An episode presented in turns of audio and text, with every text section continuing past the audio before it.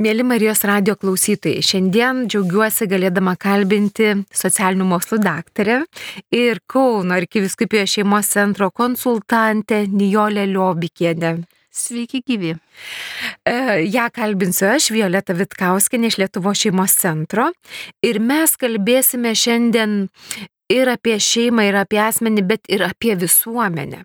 Mes kalbėsime apie kaltę, apie atleidimą, apie meilę ir toleranciją ir visuomenės procesuose, kiek tai yra svarbu, kiek tai yra nesvarbu.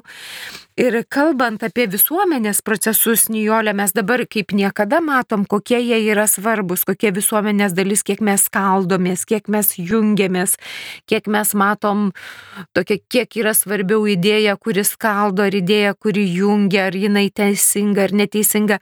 Bet vis tiek viskas prasideda žmogaus širdyje, kiekvienam žmoguje, nuo ta širdis paprastai yra šeimoje, kad tas žmogus jisai vis tiek auga šeimoje. Didesniai, mažesniai. Ir aš noriu paklausti apie tą meilę ir atleidimą. Gal pradžioj šeimoji, kiek yra svarbu meilė ir atleidimas. Jau mes kilintą kartą nagrinėjom tą, ar atleisti reiškia nusileisti, ar atleisti reiškia sutikti su belenkokiu elgesiu. Nes būtent dėl to ir nesinori atleisti, kad mes dažnai suprantam, kad jeigu aš atleidžiu, reiškia aš pritariu. Bet aš iš esmės taigi nepritariu. Tai Kaip tada su tuo atleidimu čia? Nėra lengvas klausimas. Ir iš tiesų yra labai daug, na, tokių skausmingų pamastymų ir dilemų ir iš tiesų um, kartais tikrai klausimas, o tai kas tas atleidimas, pavyzdžiui, aš esu girdėjus dažnai sakant, kad e, aš turbūt net leidžiu, man atrodo, kad aš atleidžiu, bet aš vis tiek jaučiu kažkokius tai jausmus ar ten pykti ir panašiai. Taip. Ir tada reikia, iš tiesų reikia labai gerai apsibriežti ir žinoti, o tai kas yra tas tikras atleidimas atleidimas ir su kuo tai yra susijęs. Kas yra tikras atleidimas? Pirmiausiai tai yra nuostata nekeršyti. Atleidimas tai nėra užmiršimas. Atleidimas tai nėra leidimas tam, kuris neteisingai su tavimi elgesi. Kartais labai baisiai, labai leisti jam ir toliau taip elgtis. Bet atleidimas visų pirma tai yra tam tikra nuostata, kad aš nekeršysiu tam žmogui, nes jis mane tikrai labai skaudino, bet atleidimo procese visada yra mažiausiai du žmonės. Taip. Tai kas vienam yra skausminga, dėl ko jis labai kenčia ir, ir, ir jaučiasi įskaudintas, kitam gali atrodyti, kad tu, tai kas čia, čia nieko tu, tu aš nieko blogo nepadariau. Taip. Todėl, kad tie du žmonės, kurie susitinka gyvenimo keli, jie nėra klonas vienas kito. Ir tai, kas, pavyzdžiui, vieno, vienam yra labai baisus įskaudinimas ir, ir, ir dalykas, kuris iš tiesų jam nu, labai sunku su tuo dalyku gyventi iš kito žmogams, kitam žmogui gali būti nepaprasta naujiena, nu čia dabar. Taigi mūsų šeimoje visada tai buvo, niekas nereaguodavo ir taip toliau. Tai pirmas dalykas, jeigu mes norime kalbėti apie atleidimą, tai mes turime labai gerai išsiaiškinti savo ir kitų požiūrį tam tikrus dalykus. Ir ne tik, kad išsiaiškinti, bet pasakyti tam kitam žmogui, kad klausyk, aš nežinau, ar tu dabar tai pasakėjai, ar tą padarėjai, Gal tau atrodo, kad čia nieko tokio, bet man tai yra labai skaudus įžeidimas. Aš labai esu įskaudinta dėl to ir dėl to ir dėl to. Ne dėl to, kad aš esu įskaudinta kažkaip, va taip įskaudinta, nes, nu taip, čia žinai, populiaru dabar būti labai įskaudinta, ir ne? Ne, ne, ne. Aš iš tiesų esu įskaudinta dėl to, kad jaučiuosi ar tai pažeminta, ar tai suniekinta, ar tai su manim nesiskaito. Ir tada mes, kai pasakom kitam žmogui, mes iš karto galime sulaukti ir atsiprašymo. Aš atsiprašau labai, bet aš tikrai nežinojau, mano šeimoje tai buvo, mano giminėje tai buvo, niekas nekreipė dėmesio arba sakė, kad čia humoras, aš kažkaip irgi nepagalvojau apie tai, aš neturėjau jokios intencijos jūs įskaudinti ar tave įskaudinti ir labai dėl to atsiprašau. Ir atrodo, kad tas procesas, na, lik ir lyg ir taip sakant, iki kito karto, nes mes nesame tobuli, tai reiškia visokių dalykų gali pasitaikyti, bet toksai, nu, va, tai eilinis, toksai, galima sakyti, būtinis ar dar kitoks, na, toksai įsiskaudinimas. Kada prasideda blogai? Vienas dalykas blogai, kada vienas labai įsiskaudina ir jau nori keršyti, o kitas sako, aš nežinau, kas pasidarė, aš kitieko blogo nepadariau. Aš niekaip nesuprantu, kodėl jinai arba jisai taip elgesi. Reiškia, žmonės bendrauja labai paviršutiniškai ir jie galvoja, kad kitas žmogus tai yra aš, tik tai kitam pavydale. Taip. Ir turiu žinoti, kad kas man skauda nieko panašaus.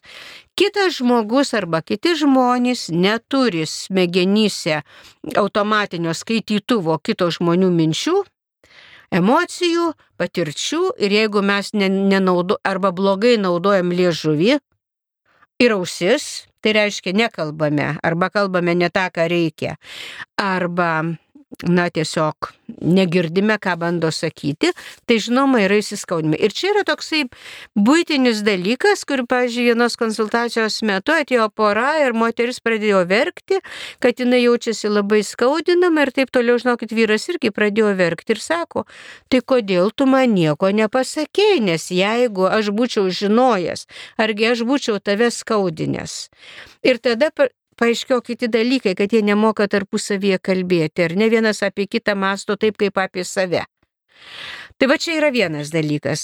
Tai aš užviršuot labai noriu, Nijolė, kad pirmas dalykas ir svarbus yra, kad kai vyksta nesusitarimas, kažkoks įsiskaudinimas, labai svarbu susėsti ir neskubant pasikalbėti.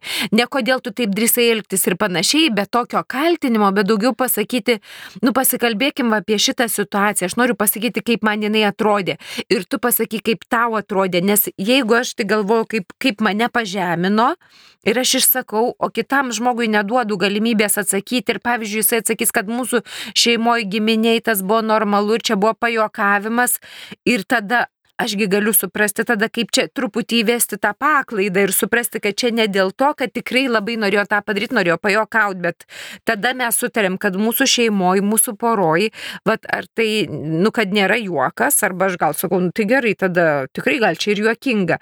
Mes kažkaip tada susirandam savo. Taip, ir randa tada ir randi kompromisą. Neskubrus nes pokalbis labai, ir labai toks nugana atvirus ir pradedant ne nuo kaltinimo. Bet pradedant nuo to, aš dabar girdėjau, ar aš, aš mačiau, aš jaučiuosi dabar taip ir noriu paklausti, kas vyksta, ar ne, aš nelabai suprantu. Aš taip jaučiuosi, bet, bet ko gero, tu, tu kažkaip vat, kitaip matai galbūt tą situaciją, gal galim pasikalbėti. Ir tada, žinai, tas pat kalbėjimas neteisantis ir ne, ne su a, tokiu keršto troškimu, nu dabar jau aš tą padarysiu. Įrodysiu. Įrodysiu. Tai, Mhm. tai žinoma, tada galima greitai išspręsti tuos dalykus. Bet matai, jeigu tai būtų paprasta, tai nebūtų nei tų čia visokių e, įsiskaudinimų ir to atleidimo reikėtų kiek galima mažiau. Bet tai yra nepaprasta, todėl kad, na, pirmiausiai mes labai dažnai ateiname iš šeimų, kurios Na, būkime bėdini, bet teisingi, mes turime dabar labai aiškiai pasakyti, ką mokslininkai jau, jau senai sako, kad mūsų visuomenė yra traumos visuomenė. Taip. Ir traumos, kuri buvo nepaprastai gili, jinai prasidėjo 40 metais e, pirma okupacija, 41 metais trimtys ir nužudimai, tada vokiečių okupacija, kuri nebuvo nei kiek geresnė, kai kuriais atvejais labai žiauri, kai kuriems mūsų Gyventojams. gyventojams Mhm. reiškia Lietuvos piliečiams.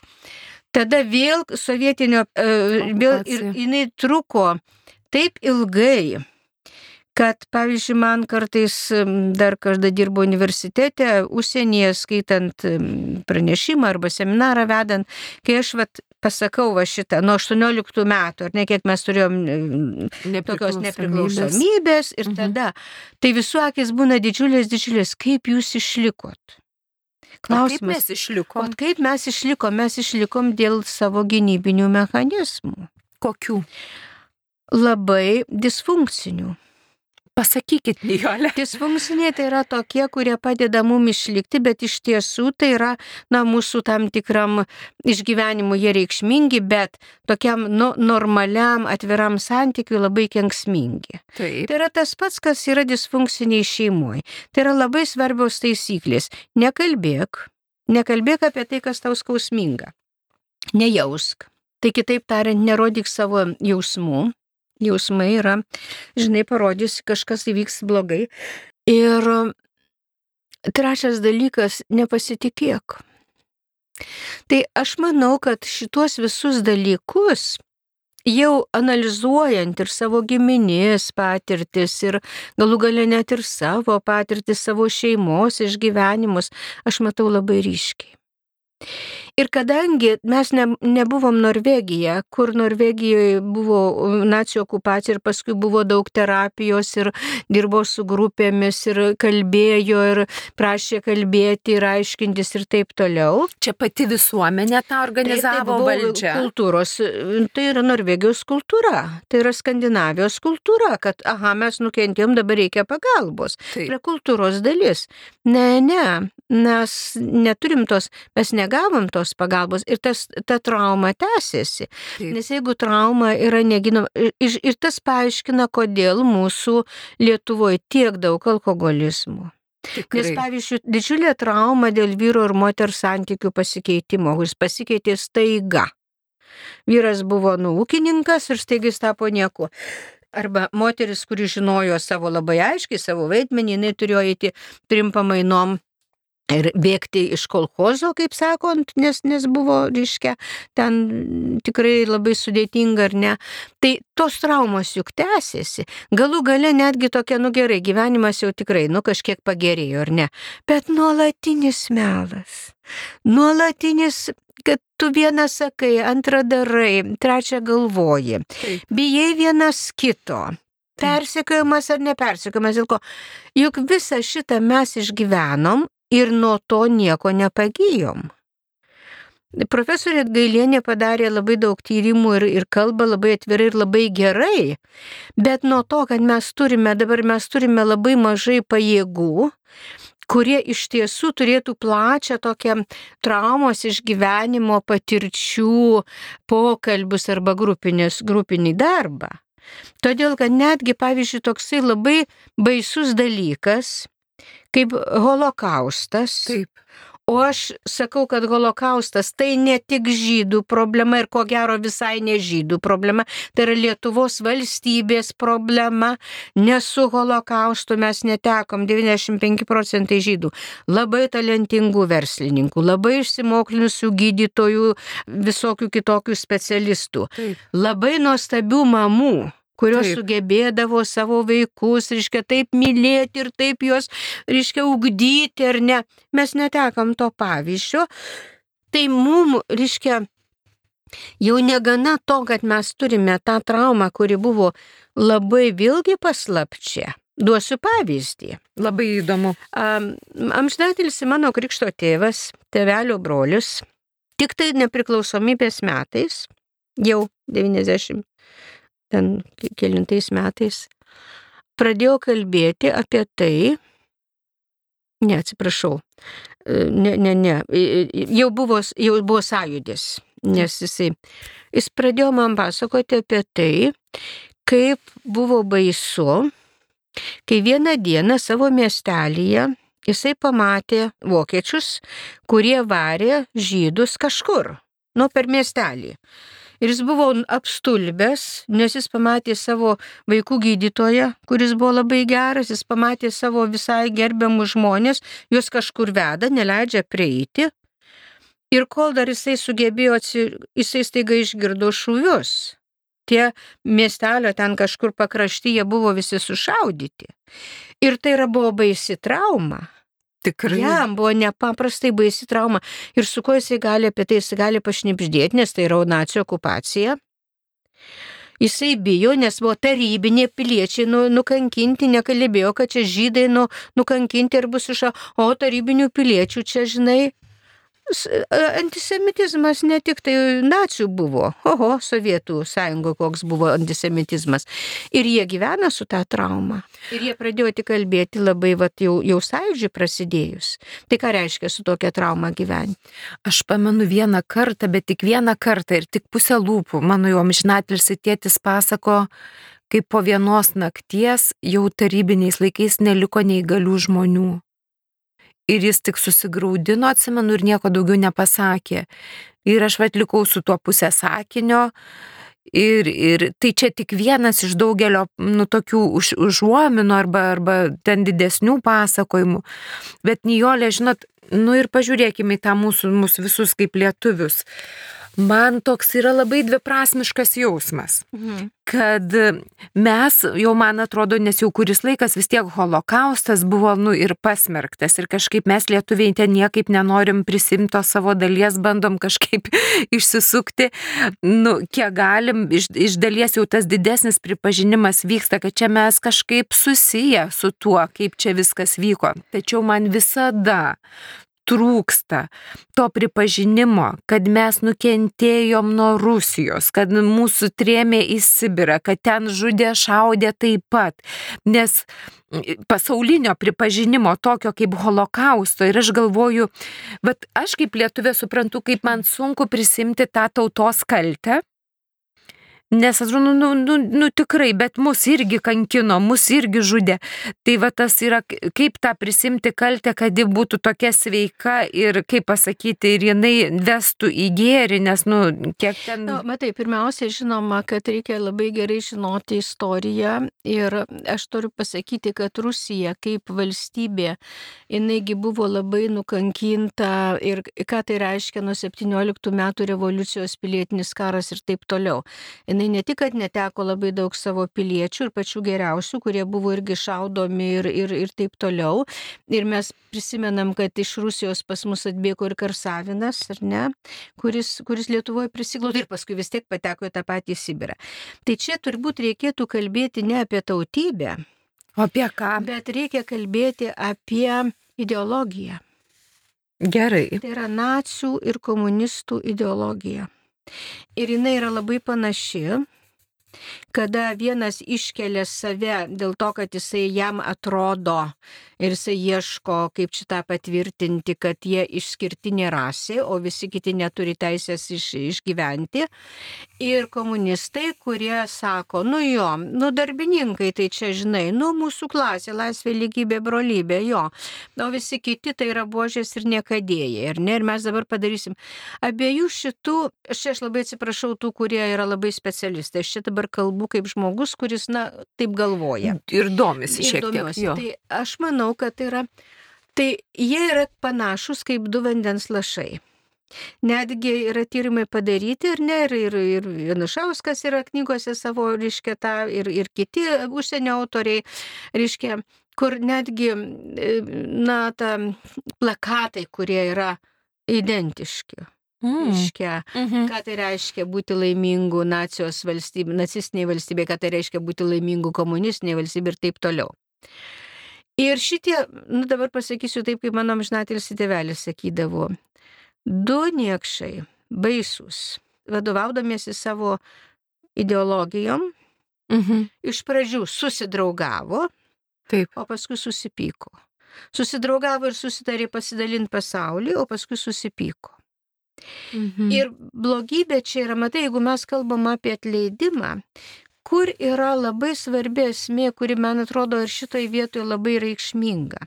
Mhm. Žiūrėk, nacija pridarė baisių dalykų. Ir be abejo, aš, aš pritariu tam, kad jie buvo jie turėjo didesnės galimybės išsimokslinti, jie turėjo geresnės sąlygas, jie, turėjo, jie galėjo geriau suprasti, kas čia darosi ar ne, e, negu kad sovietai, kurie tikrai buvo jau, jau nu, kaip pasakyti, suniekinti ir, ir, ir žodžiu, suvargę. Taip, žmonės, taip, žmonės taip. sovietijos, ar ne, suvargę ir kurie tikrai, žinai, kartais buvo. Bet tai čia jau yra dalykas, bet žiūrėkite, Nürnbergo procesas Taip. Jis paskelbė nacizmą, o kas paskelbė stalinizmą? Niekas. Ir dalykas, kuris yra nepaprastai svarbus atleidimo prasme. Jeigu mes sakome kitam žmogui norime atleisti, tai pirmiausiai mes turime labai gerai įsitikinti, ar tas žmogus prašo mūsų atleidimo. Aš esu pasiruošęs atleisti. Bet jeigu tas žmogus ne tik, kad neprašo, bet sako, tai tu kaltas dėl to, Taip. tu čia viską kaltas, tai palauk. Ne? Mhm. Tai pirmiausiai, vėlgi tas yra santykio, santykio dalykas. Ir tada mes turime labai gerai pagalvoti, kad dalykai, kurie yra neišspręsti iki galo, neįvardinti, neprisijimta kaltė, Mhm. jie yra paliekami, taip kaip paliktas buvo Nürnbergo procesas Stalinas. Taip. Ne? Jie linkia kartotis. Pažiūrėkime, kas dabar vyksta Rusijoje ir pažiūrėkime, kas dabar vyksta Ukrainoje. Mhm. Ir šitos ideologijos labai kenksmingos, labai baisios, jos ką pirmiausiai daro, jos plauna žmonėm smegenis. Tikrai. Ir labai, labai giliai, ir labai pagristai, Taip. ir labai pačiais jautriausiais žmogaus būdais, ir jie dėl to. Tai čia, jeigu kalbam vat, vat, apie tokias blogasias ideologijas. Dabar, jeigu kalbam apie atleidimą, tai aš jau sakau, kad iš tiesų, na, kažkas, taip, aš esu pasiruošus atleisti, Mhm. kažkas turi paprašyti to atleidimo. Mhm. Ir mes kartais baisiai skubam atleisti, kai mūsų niekas neprašo atleisti. Mhm. Nes ką reiškia, jeigu aš neprašau atleidimo? Aš esu teisus. Ir tada Taip. yra keli dalykai. Jeigu mes esam šeimoje, tai mes turime pasakyti, išsakyti, sakyti, žinai, nu, aš tikrai, žinai, norėčiau, aš jaučiuosi taip ir taip. Ir žmogus iš tiesų gal, gal kiek pagalvojęs, jisai ateis, jis sakys, atsiprašau, gal ne taip, kaip mes norime. Ir tada dar vienas dalykas. Aš nekeršiju, bet aš noriu, kad tas žmogus keistų savo elgesį. Taip. Nes aš negaliu. Tai tu turi mane atleisti, nes tu tikinti moteris, aš tą vardą primušiau. Mhm. Aš esu pasiruošus tą padaryti, bet pirmas dalykas, jeigu nori atleidimo, tai vienas dalykas turi prašyti, o antras dalykas, atleidimas tai nėra tavo smurto pateisinimas. O tai kas tada yra atleidimas, Nijolė? Nu, dabar noriu pasakyti trumpai, bet negalėsiu, vis tiek išeis ilgai. Sakykit ilgai. Tai pirmas dalykas, tai yra, aišku, tai yra dviejų žmonių, jeigu kalbant apie dviejų Taip, dabar apie du žmonės. žmonės. Gerai. santykis ir tame santykė turi būti aiškumas. Taip? Aš esu įskaudinta, bet aš negalvoju, aš pasakau ir tas žmogus sako, aš neturėjau tokios intencijos, aš labai atsiprašau, aš dabar pagalvokim, kaip čia, nu, va, tikrai, kad Mhm. daugiau taip nebūtų. Jeigu kitas žmogus vaidina, kad jis atsiprašo, nes matai, aš galiu, taip aš esu pasiruošus atleisti, bet tai nereiškia, kad aš toliau kentėsiu tavo smurtą. Mhm. Smurtą aš, nu jo, galiu galvoti, nu vieną kartą tu mane pastūmė, dabar mes įsiaiškinom Taip. ir daugiau niekada. Nes jeigu taip atsitiks, aš imsiuosi tam tikrų priemonių. Ne dėl savęs, bet dėl tavęs taip pat. Dėl kad smurtas didėja, kitą kartą tu mane primuši, Taip. tikriausiai, nes tu turi ieškoti savo pagalbos, kad baigtum šitą smurtinį elgesį. Jeigu tau reikia mano pagalbos, aš galiu surasti kažkokią grupę ar surasti konsultacijas, bet daugiau tokio elgesio aš netoleruosiu. Tai net tikinti žmogus neturėtų ten galvoti, kad kažkokia kantrybė, kažkokiu tai Matai, pasakyti, kad- sutarimu išspręs. Nu tai matai, sutarimas gali būti. Kodėl, jeigu tas žmogus susitarime, susitarėm, žinai. Ir jei, bet matai, vėlgi dalykas yra čia labai sudėtingas, jeigu kalbant apie šeimą. Nu jeigu tu ištekėjai už smurtautojo, o Mhm. tikriausiai taip, Greičiausiai. todėl kad Mhm. dažniausiai nepastebi, nes Taip. nenori pastebėti. Pavyzdžiui, eini- Gal ir nori, bet nemoka. Jo, nu, vieną labai banalų pavyzdį. Taip. kurį aš pati mačiau. Jauna pora eina ir kalbasi, kur ten ką nors nusipirkti, nu tas buvo jau senokai, bet vis tiek. Mhm. Jinai eina gražiai, žinai, kalba, jisai toksai, žinai, kaip koksai, nu, nežinau, liūtas. O, toks, žinai, toks nepagarbus atsakymas. Nu, galvoju, palauk, palauk, kaip čia dabar bus. Tikriausiai jų- vestuvės iširs, ar ne? Mergina nereaguoja į jo tokį elgesį. Mhm. Jis vėl kažką jam ten sako ir jisai į ją daugiau aukščių. Nu, daugiau Mhm. aukščių. tai žinot. Keiksmažodžių. Mhm. Nu, galvoju, dabar viskas mergina. Jau apsisuko. tikrai. Mhm. Jinai net nesureagavo. Kodėl? O čia yra, o čia jau yra kitas dalykas, yra savigarbos trūkumas. Mhm. Galbūt jinai taip išmoko savo šeimo, aš Gal. nežinau. Mhm. Čia jau yra labai gilus dalykai, kurie ateina iš šeimos. Ir kai galbūt po, po vestuvių ar, ar kada jinai ateis ir sakys, jisai, jisai grubiai su Muša, manim jo. elgesi, tai tada aš paklausiu, o kaip buvo iki santokos. Ir tada pradedi matyti. Taip, ir tada jau reikia pagalbos, žinoma, bet Taip. čia jau yra labai sudėtinga, žinai, nėra vieno, vieno tokio, žinai, nu kaip pasakyti. Mhm. Bet jeigu žmogus, nu matai, tikinčiam žmogui, jeigu tikrai tikinčiam žmogui, tai turėtų padėti nu tokios dvasinės priemonės, pavyzdžiui, kaip, kaip, kaip ėjimas iš pažinties, ar ne? Arba... Turit omeny smurtautoje. Ne tik, Ne tik. ir auka. Ok. Mhm. Nes iš tiesų labai, tarp kitko, kartais girdžiu žmonių tokius pasipasakojimus, kad, pavyzdžiui, atsiuntė konsultacijai kunigas. Taip.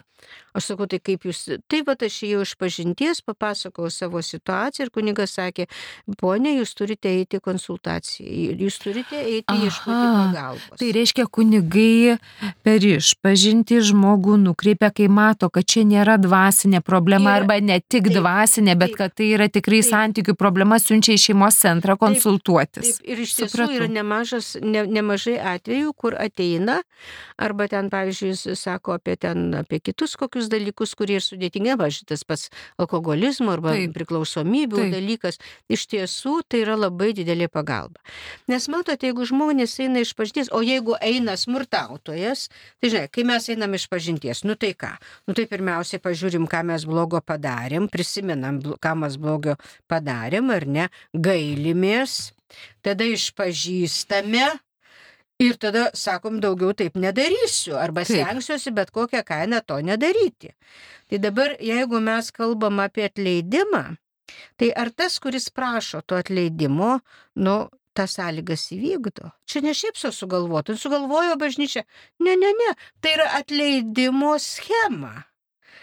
Aš einu pas Dievą, kuris, nu, jisai, jisai pasiruošęs atleisti ir už mus numirė ant kryžiaus.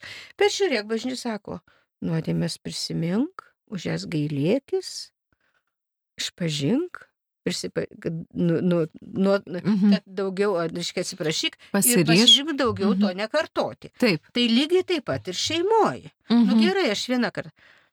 Pas mus moterų, vieną kartą einu, nu, stotelį. Ir žiūriu, kažkokią reklamą. Tai kažkokio durno, atsiprašau, pagal reklamą tai tikrai matau, kad durnas filmas. Moteris, žinai, ir čia, žinai, ir vyrai ją žiūri kaip į, nu, klausykite. Kaip į objektą visiškai. Ar mes kada daiktą. nors moterys protestavom prieš tai? Ne, mes prieš viską bandom feministės. Palaukit, Mhm. bet čia jau yra moters pačios suniekinimas. Tai kad moters, nu, tokia savigarba yra labai žema, man labai gaila. Mhm. Ir ta, tam yra priežasčių, turbūt reikėtų labai pagalvoti. Ir tada ateina toksai, žinot, toksai va šitame procese atleidimo, toksai gynybinis mechanizmas. Koks? Vienas iš gynybinių mechanizmų, žinai, jo, man su juo blogai, bet aš be jo negalėsiu gyventi. Oi, kaip žinau šitą tikrai, taip. Nu ir ką jūs patartumėt, nes tikrai žmogus įsivaizduoja, kad jis negalės gyventi. Taip, tai ką daryti? Tai tada dirbti su juo, kad jis, įsivaizdu, kad jis įsivaizduotų kitaip. Arba pažiūrėtų į realybę Ir ir pamatytų. pažiūrėtų, kad smul, smurtas ir ten visokia kitokia ar neištikimybė. Tai nėra gyvenimas, kurį, kurį reikėtų toleruoti. Tu sakai apie toleranciją. Taip. Būkime netolerantiški. Ir netar- netolerantiški blogam elgesiui su mumis, su vaikais, su bendruomenė. Čia tolerancija baigėsi. Ir tada mes turime sakyti, ne, ne, ne. Mes mūsų močiutės, tarpukario Lietuvos, nu, gimusios, Mhm, mhm, augusios. Mhm. Pavyzdžiui, mano mamytė jinai, mes kalbėdavomės apie visokias problemas ir taip toliau. Ir, ir, ir ištekėjo, nu kaip čia pasakyti, kaip anksčiau būdavo, žinai, laikas Mhm. tekėti, Taip. ja, viskas tvarkoja. Nu, mamytė pasakoja, sako, nu, bet tėvelis labai gerbė mane ir mes niekada jisai ne, nenaudojo jokio, žinai, visada kalbėdavomės ir nes tėvelis buvo maža kalbis, bet vis tiek. Taip. Bet sako, žinok, jeigu man prieš mane būtų pakėlęs ranką, kas, nu, vat, vyras, Taip. Tai galėjo tą padaryti vieną kartą. Mhm. Tai aš būčiau pasakius, kad jeigu bus dar vienas kartas, tai manęs čia nebus. Aš sakau, mamyto, o tai kur jūs būtumėte? Sako, nu taigi neprapulčiau. Mhm. Aš negaliu, aš sako, neleisčiau, kad prieš mane smurtautų. Ir jinai absoliutiškai, jinai labai gražiai sako, aš esu tikinti moteris, taip. Aš tikriausiai būčiau ieškojus kokios nors pagalbos, kur aš galėčiau prisiglausti, bet aš jokių būdų neleisčiau, kad mane vyras muštų. Reiškia, jisai Mhm. Reiškia, jinai, bet ką jinai sako, mes pirmiau pasikalbėtume, tai reiškia, įsiaiškintume, tada jinai duoda šansą, jeigu jis tikrai gailis ir sako, atsiprašau ir ten Ir toliau, kažkaip žinai, Mokosi tada mokosi, tada taip. Bet jeigu ne, jeigu tai yra piktybiškas, Mhm. nu kaip, dabar pasakyta piktybiška, tai irgi čia toksai, bet nu, kad kartais tai būna, reiškia. nesima iš tikrųjų jokių priemonių, tik tai žodžiais A, tik tai pasigailėjo. Tai žiūrėkite, Mhm. tai tarpu, tarpu kario, nu Lietuvoje užaugusi moteris, ar ne? Tai čia ne, tais laikais nei tos skirybos buvo kažkaip beveik Tai įmanomos. kur tu čia labai ir atsiskirsi, Taip. žinai. Taip. Bet vis tiek, reiškia, tavo, man sako, nu mano savigarba neleistų. Tai va čia yra Mhm. apie savigarbą mes šiandien labai užmiršome. Mes visokiais būdais ją greuname Mhm. am, ir, ir tada, o be savigarbos čia dalykas yra prastas. Dabar, Mhm. kai tu manęs klausi apie tautas, ar ne? Taip. Sudėtingas klausimas, bet Bet. žiūrėkite. Tarpukario Lietuvoje. Čia vėlgi, nu, mano tevelio liūdėjimas. Mhm. nežinau, labiausiai nupatyrusio, galima sakyti, nu tiesiog nuostabaus prekybininko kaip žydų tautybės žmogus. Tai jau taip. Ir tai yra gerai. Bet jeigu aplinkui žydai prekybininkai tokie geri, kuriems sekėsi, o man netaip sekasi, o aš nežinau, kaip čia kad seksis, o aš neįsiu pasimokytis ar ne, tai aš jį kaltinu. Jisai sukčius, jisai ten šioks ir anoks, jisai ten padarė tą ir aną blogą. Ir priedo dar smegenų plovimas, nu tikrai buvo antisemitizmo, nu, tokio visai kvailo. Taip. Tokio, žinai, o žydai ten vaikus, žinai, nu visai išgalvojo. Nesąmonių. Tokių nesąmonių, kur Taip. žmonės, nu, va, irgi pa- pagalvojo ir taip toliau. Kitas dalykas, kuris yra, nes matot, iš to vėlgi, iš tokio, vakar buvo labai tokia graži evangelija, kur Kristus sako, ne tai, kas iš žmogų įeina, reiškia, ką tu O kas valgai, išeina? kas išeina. Mhm. Tai vad kas išeina. Mano dėdė jau dabar amžinatilsi. Jisai buvo turbūt dar studentas, kaip jau, e, e, reiškia, prasidėjo nacijų okupacija. Aišku, kad nacijai turėjo labai didelės reikšmės ir jie pirmiausiai organizavo, bet tai nereiškia, kad lietuviai neprisidėjo. Ir mano tėtės, dėdė sako, nu sako, žinai, buvo tokių bernų, kurie atėjo ir sako, žinai ką, einame mes jiems parodysim. Tai dėdė sako, palaukit, apie ką jūs čia kalbat, ką jūs čia parodysit. Jie kalba apie žydus, kadangi žydai turtingi, žydai. Taip. Ne visi, aišku, buvo ir Biednų. bet turbūt Mhm. lyginant su, su Lietuva. Tai dėdė sako, palauk, tu, tu iš ką iš proto neišėjot. Nu, jeigu ne mes juos, tai jie mus. Aišku, buvo žydų ir, ir paskui buvo vienas skausmingas dalykas, kurį, jeigu norėsit, papasakosiu. Mano dėdė sakė, geriau tegul jie mane, negu aš juos. Niekur aš neįsiu ir jum to nepatariu. Dioleva, jūs ką tik paminėjote tokį momentą, kaip vienas žmogus visuomeniai reiškia labai daug. Va tas jūsų dėdė. Ta prasme, kad kiekvienas žmogus, kai ateina kaimynas, draugas, giminė, vaikas, jisai gali paskatinti tokį e, kritišką požiūrį. Arba išmintingą požiūrį, o gali ir priešinti toliau ir skaldyti toliau ir į, įnešti tą tokį mąstymą, kad tikrai vieni yra va geresni, kiti blogesni, ypač jeigu man kažkas neišeina taip gerai kaip kitiems ir aš pavydžiu.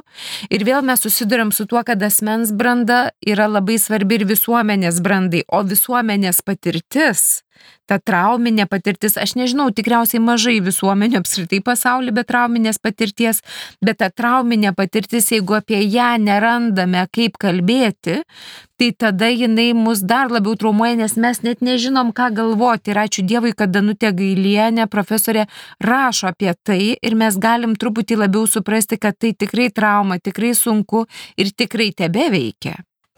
Man atrodo, kad čia yra procesas. E, kai tu kalbė apie atleidimą, tai vat vienas žodis yra, kad tai yra abipusiškumas, ta, kuri, kuriai reikia atleisti ir ta, kuri atleidžia, tai jie turi kalbėtis, jie turi suprasti, stengti suprasti, jie turi, bet iš kitos pusės tai yra procesas. Ir šitas procesas yra labai sudėtingas. Pirmiausiai, kaip ir kiekvienas procesas, jisai, nu, kas darosi, jeigu tu esi labai labai skaudintas nu tau prasideda pyktis. Taip. Normalu.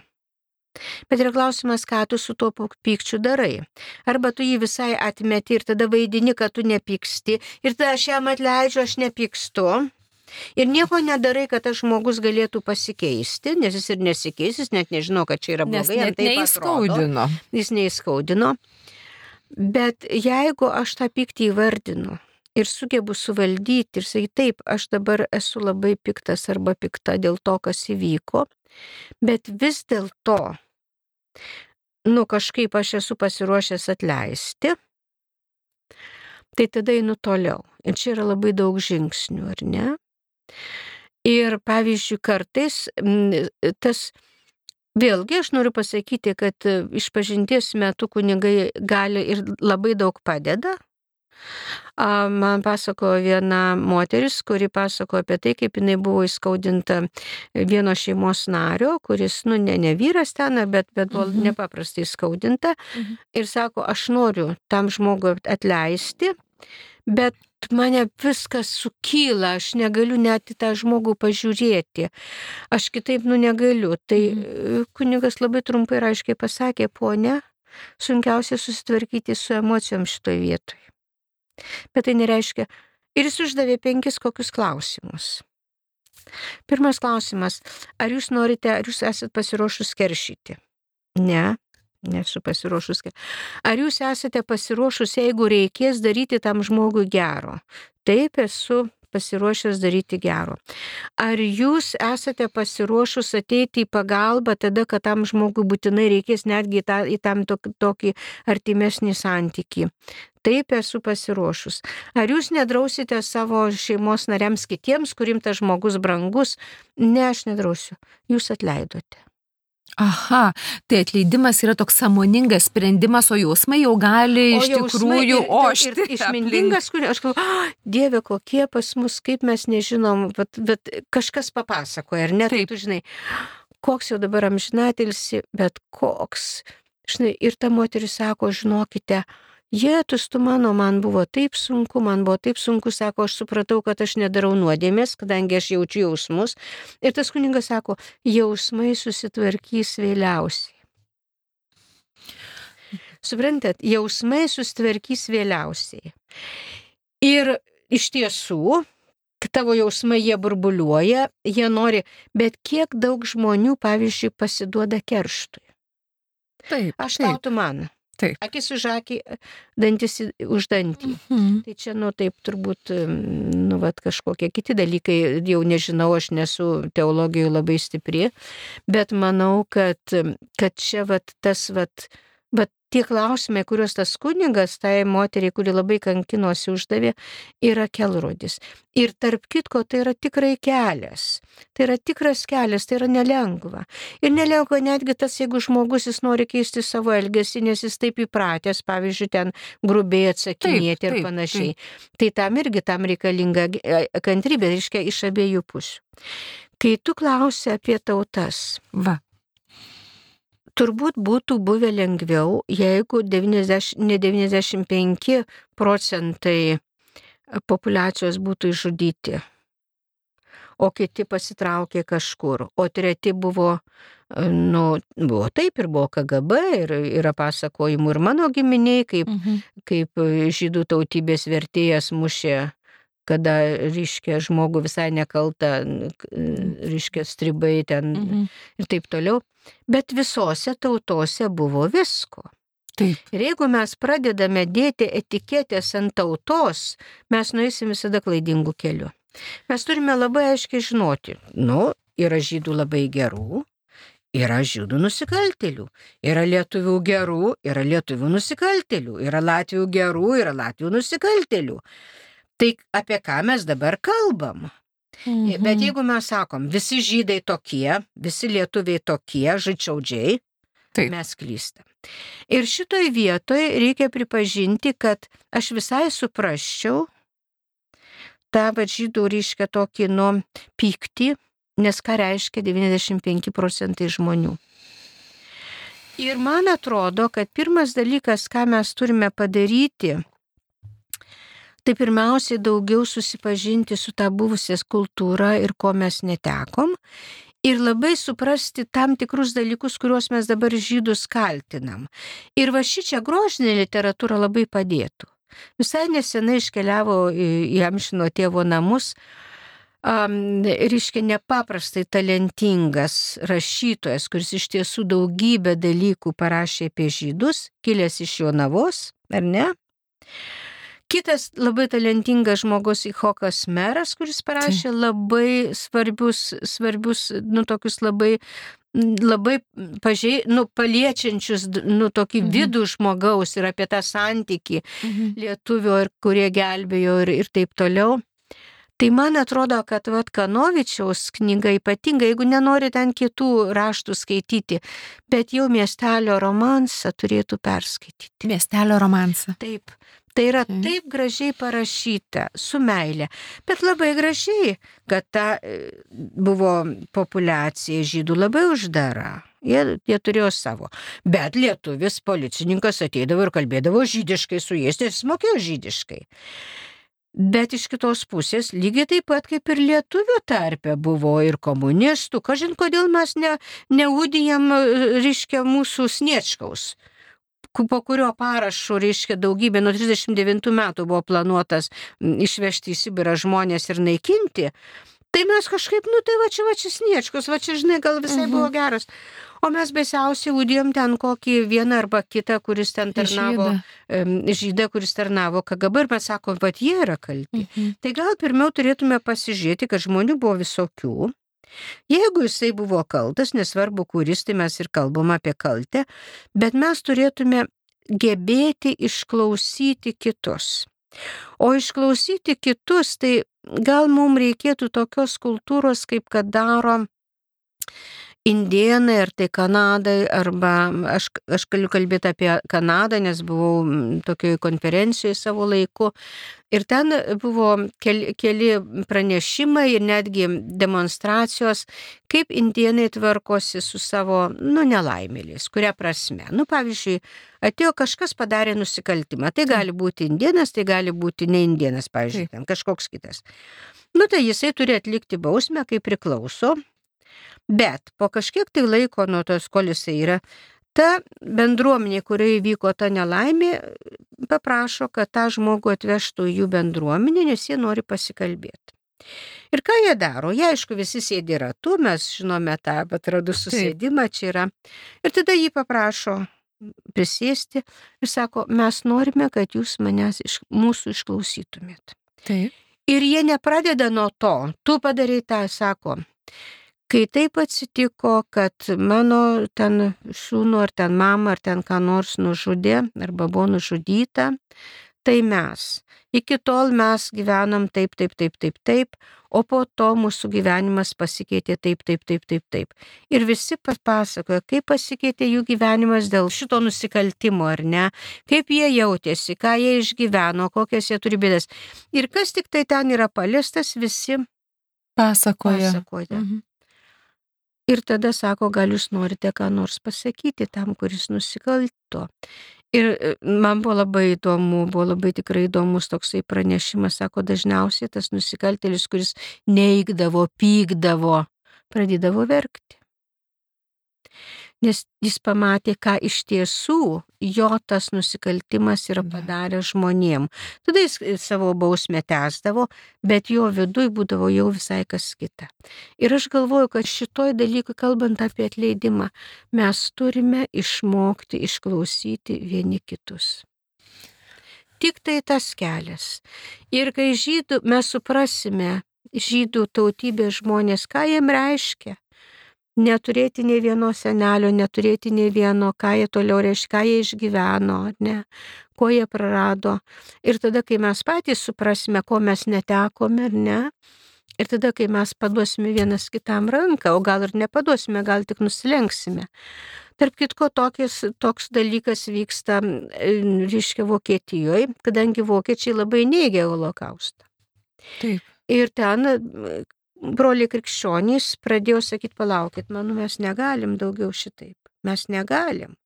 Mes turime pripažinti, kad tai buvo blogai, mes turime išpažinti ir mes turime nuvažiuoti ir pasikalbėti su tai žmonėm, kurių nacijų dėka, bet vis tiek tai yra, ar kur mes, ne, ne, ne, reiškia, ne, nesustabdėm, nieko nedarėm, ar ne, Ir jie pradėjo tokį judėjimą, kuris yra labai galingas. Jie važiuoja ar ten į Rusiją, ar ten į kitur, kitus kraštus, reiškia, susitinka, jie irgi sėdi ratu, jie kalbasi, jie atsiprašo, jie papasako, pažiūrėjau, nes tu gali būti paimtas kaip kareivis Eušvice.